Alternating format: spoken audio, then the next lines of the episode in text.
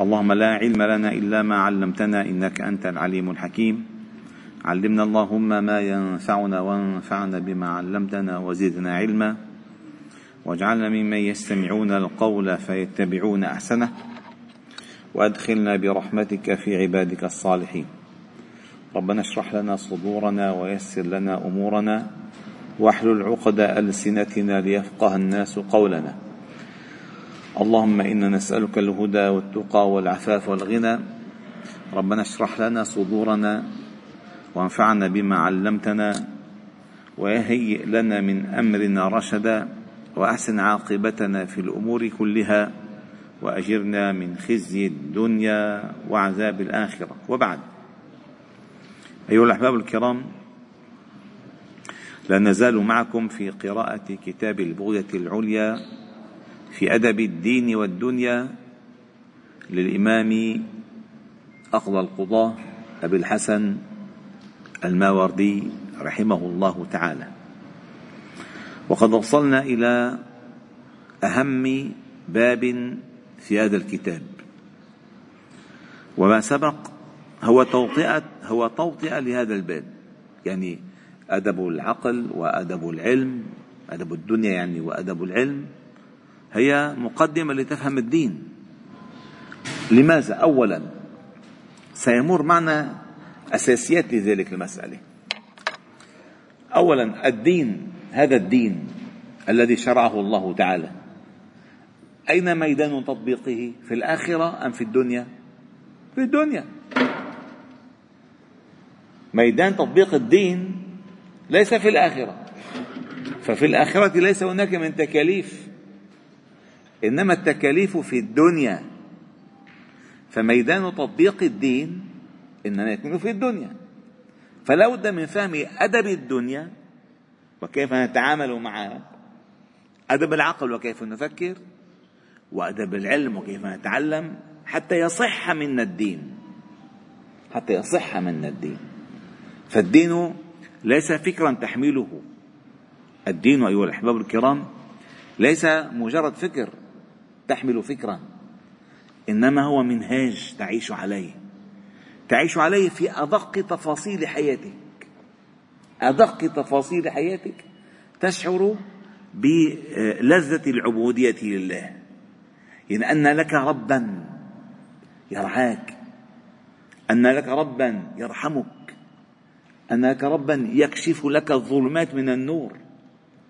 ففي كل تفاصيل حياتك هناك دين.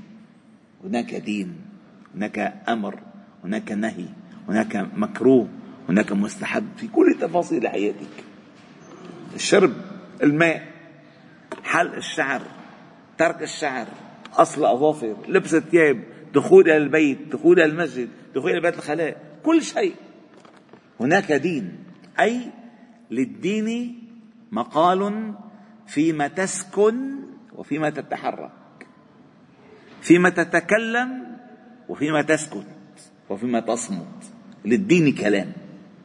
للدين كلام. فإذا ليس الدين مجرد فكرة. فكرة؟ لا لا.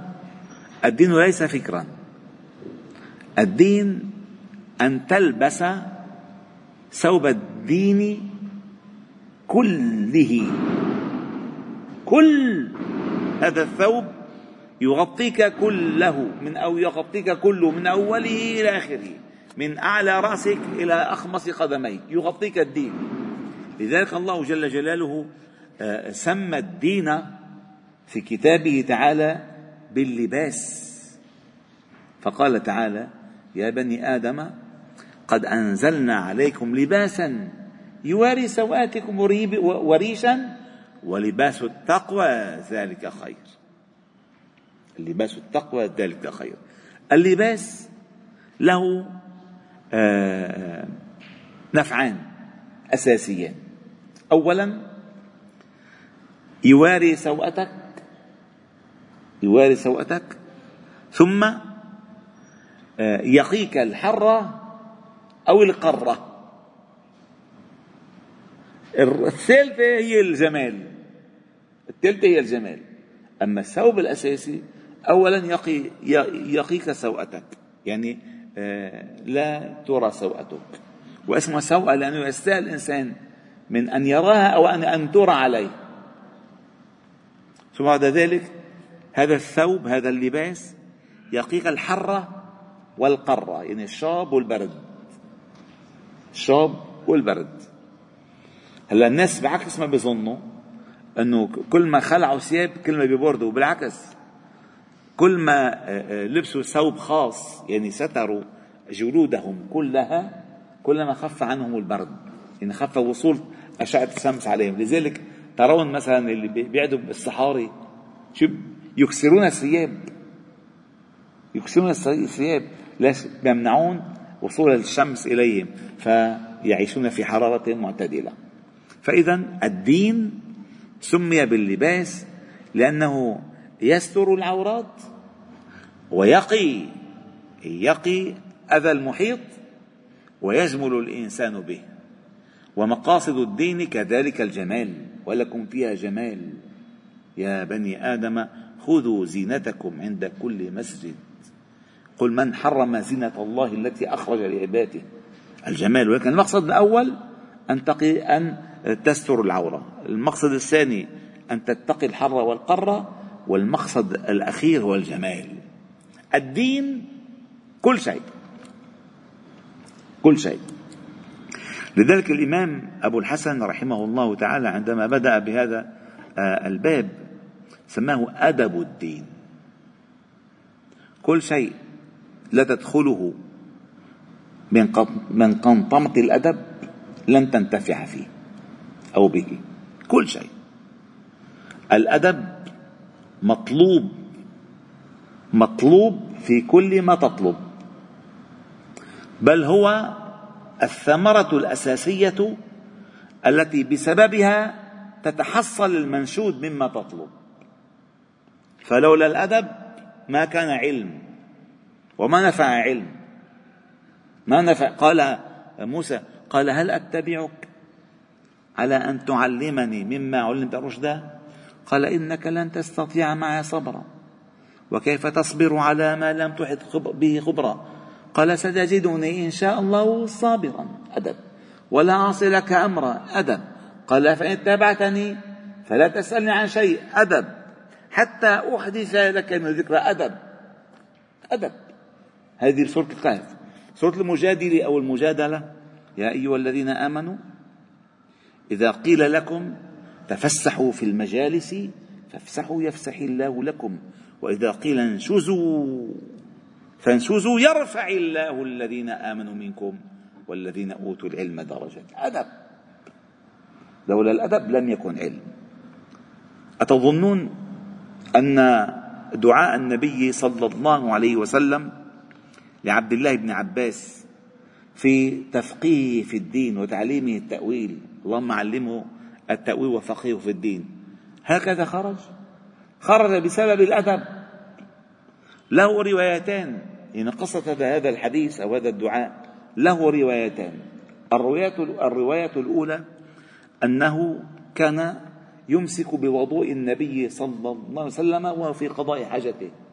فظل ممسكا فظل ممسكا بهذا الوضوء حتى عاد من قضاء حاجته فأعجبه هذا الفعل فضمه إليه وقال اللهم فقهه في الدين وعلمه التأويل.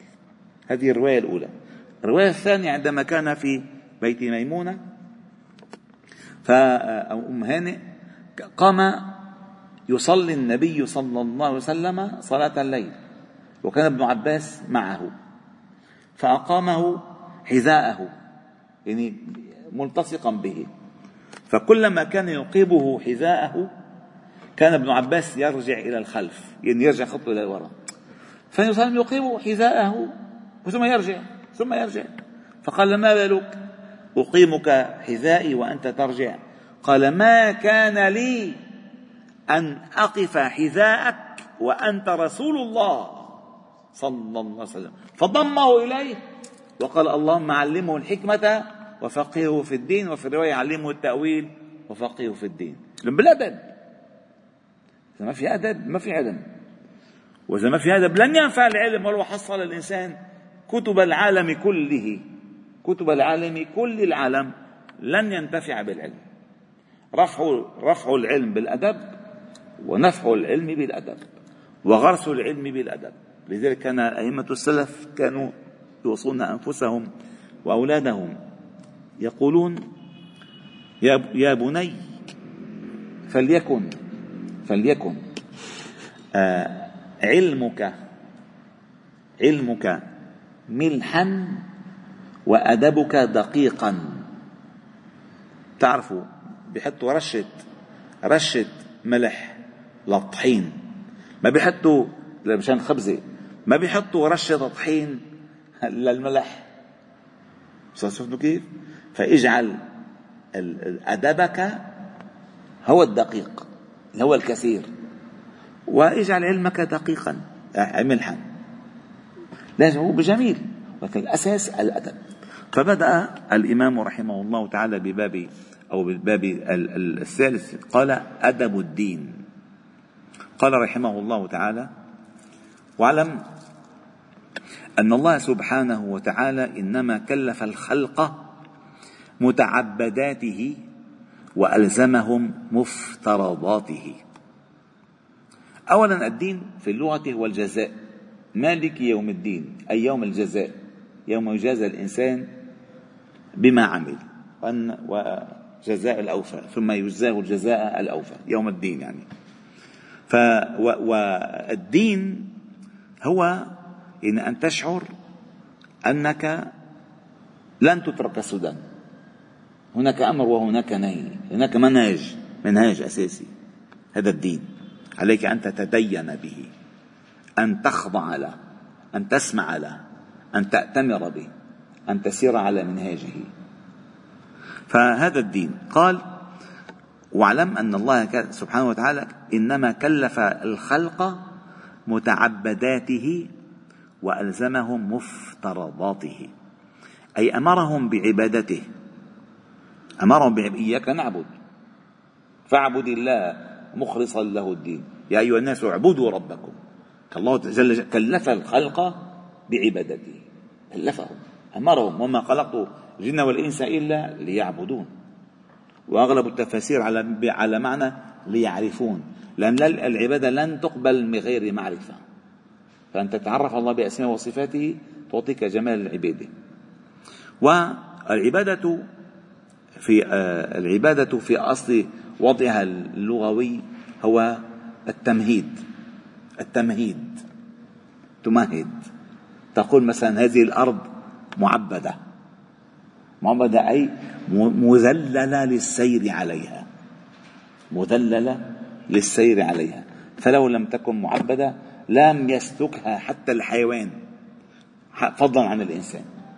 فضلا عن العربات فضلا عن عن فالمعبدة أي ممهدة بالسير فأنت عندما تريد أن تفهم معنى العبادة يعني أنت ينبغي أن تكون أرضا ممهدة تستطيع أن تطأك أحكام الشرع بسهولة. ما مرة ما بدي ومرة ما بدي وليش هيك وليش هيك. تكون أرض ممهدة. أنت عبد. أنت عبد.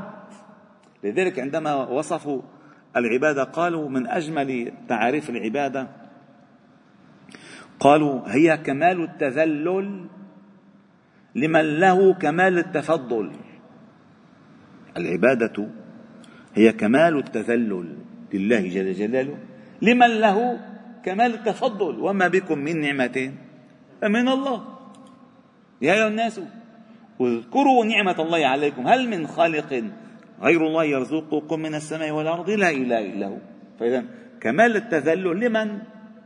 له كمال التفضل عليك بكل شيء. والله ذو الفضل العظيم. سبحانه وتعالى والله ذو فضل على المؤمنين. فإذا قال وألزمهم مفترضاته. أي جعل ما فرضه وقدره لازما عليهم لأن الفرائض لا تضيع. وأجمل وأهم وأثمن ما تقرب به عبد إلى الله بما افترضه الله عليه. حديث الصحيح يقول من عاد لي وليا فقد آذنت بالحرب وما تقرب إلي عبدي بأحب إلي مما افترضته عليه. أعلى أعلى المقامات أن تؤدي ما افترض الله عليك. لا تلتهي آه، بالنوافل وتنسى الفرائض. وسيأتي معنا أن الفرائض هي سياج سياج النوافل هي سياج الفرائض وهي جابرة نقص الفرائض. فلا بد منها للجبر نقص فيما فيما افترض عليك. أما أنه تفرض بالفرض وتلي نفسك بالنوافل هذا ليس صح. فقال وألزمهم مفترضاته وبعث إليهم رسله جل الله تعالى في علاه لئلا يكون الناس على حجة. فهذا هؤلاء الرسل يبلغون رسالات الله. وأرسل إليهم وبعث إليهم رسله وشرع لهم دينه لغير حاجة دعته إلى تكليفهم. إن الله تعالى لا يحتاج لعبادة أحد. لا يحتاج لعبادة أحد. إنما نحن نحتاج للعبادة. فالله غني عن العالمين. تذكرون سورة آل عمران في فجر اليوم؟ كنا نشرح هذه الآية. ولله على الناس حج البيت من استطاع إليه سبيل. ومن كفر فإن الله غني عن العالمين. غني.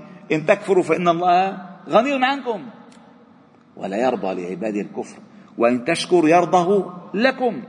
لماذا لكم؟ لأن مردود شكركم له سيعودون عليكم. ليس له جل جلاله. فالله شكور حليم وهو الغني الحميد. شكور حليم وهو غني حميد. فإذا قال وشرع لهم دينه لغير حاجة دعته إلى تكليفهم ولا من ضرورة قادته إلى تعبدهم. فالله هو هو المحمود في الأرض وفي السماء له الحمد. سواء نطق به لسان الخلق أم لم ينطق به لسان الخلق فالكل ما خلق الله تعالى ينطق بحمد الله. فسبحان الله حين تمسون وحين تصبحون وله الحمد في السماوات والأرض وعشيا وحين تظهرون يعني الله تعالى محمود سواء أنت حمد حمدته أم لم تحمده فهو المحمود. جل الله تعالى في علاه. قال ولا من ضرورة قادته إلى تعبدهم وإنما قصد قصد نفعهم بما شرع لهم تفضلا منه عليهم. من أعظم النعم على عباده من الله عليه أن يشرع لهم دينا يتقربون من خلاله إليه. يعرفهم على حلاله وحرامه قال وإنما قصد نفعهم تفضلا منه عليهم كما تفضل بما لا يحصى عدا من نعمه. بل النعمة فيما تعبدهم به أعظم لأن نفع ما سوى المتعبدات مختص بالدنيا العاجلة ونفع المتعبدات يشمل على نفع الدنيا والآخرة. وما جمع نفع الدنيا والآخرة كان أعظم نعمة. إن الذي يجمع نفع الدنيا والآخرة. كان أعظم نعمة. بالدنيا تشتريها بالدنيا تنقضي بالدنيا. أما إذا جمعت شيئا فيه نفع الدنيا وفيه نفع الدنيا والآخرة كان أعظم منة ونعمة. وكان أعظم نعمة وأكثر تفضلا وجعل ما تعبدهم به مأخوذا من عقل متبوع وشرع مسموع. ما أجمل هذا الكلام وما أدقه سبحان الله كلام رائع. قال وجعل ما تعبدهم به أي ما أمرهم به جعله مأخوذا من عقل متبوع وشرع مسموع. قال فالعقل متبوع فيما لا يمنع منه الشرع فحدود وضوابط العقل الشرع. يعني حده عند الشرع ما بيتجاوز قال فالعقل متبوع فيما لا يمنع منه الشرع والشرع مسموع فيما لا يمنع منه العقل. لا يمكن أن يشرع الله تعالى شيئا يقول العقل خلافه ابدا ابدا. لأن العقل العقل والشرع يتعاضدان ولا يتعارضان. العقل والشرع يعني النقل والنقل والعقل يتعاضدان ولا يتعارضان لأن يتوافقان. فقال والشرع مسموع والشرع مسموع فيما لا يمنع منه العقل لأن الشرع لا يرد أو لا يرد بما يمنع منه العقل والعقل لا يتبع فيما يمنع منه الشرع. فما أمر به الشرع العقل سيوافقه وما توصل اليه العقل سيكون الله شرعه. كما قال الإمام ابن تيمية رحمه الله تعالى وغيره حيثما تكون المصلحة فثم شرع الله. لأن الله تعالى أمر بالقسط. فإذا الأمر في مصلحة للعبد فسيكون شرع الله سبحانه وتعالى أكيد. شرع آه، مصلحة في غير هوى مصلحة حقيقية وليس وليست ناشئة عن الهوى. فقال فلأن الشرع لا يرد بما يمنع منه العقل أبدا. والعقل لا يتبع فيما يمنع منه الشرع. لذلك توجه التكليف إلى من كمل عقله. فأرسل رسوله بالهدى ودين الحق ليظهره على الدين كله. ولو كره المشركون فبلغهم رسالته وألزمهم حجته وبين لهم شريعته وتلا عليهم كتابه فيما أحله وحرمه وأباحه وحظره واستحبه وكرهه وأمر به ونهى عنه وما وعد به من الثواب لمن أطاعه وأوعد به من العقاب لمن عصاه فكان وعده ترغيبا ووعيده ترهيبا لأن الرغبة تبعث على الطاعة والرهبة تكف عن المعصية والتكليف يجمع أمرا بطاعة ونهيا عن معصية. لذلك كان التكليف مقرونا بالرغبة والرهبة. ونقف عند هذا الحد. والحمد لله رب العالمين. سبحانك اللهم وبحمدك. نشهد أن لا إله إلا أنت. نستغفرك ونتوب إليك. صل وسلم وبارك على محمد وعلى آله وأصحابه أجمعين والحمد لله رب العالمين.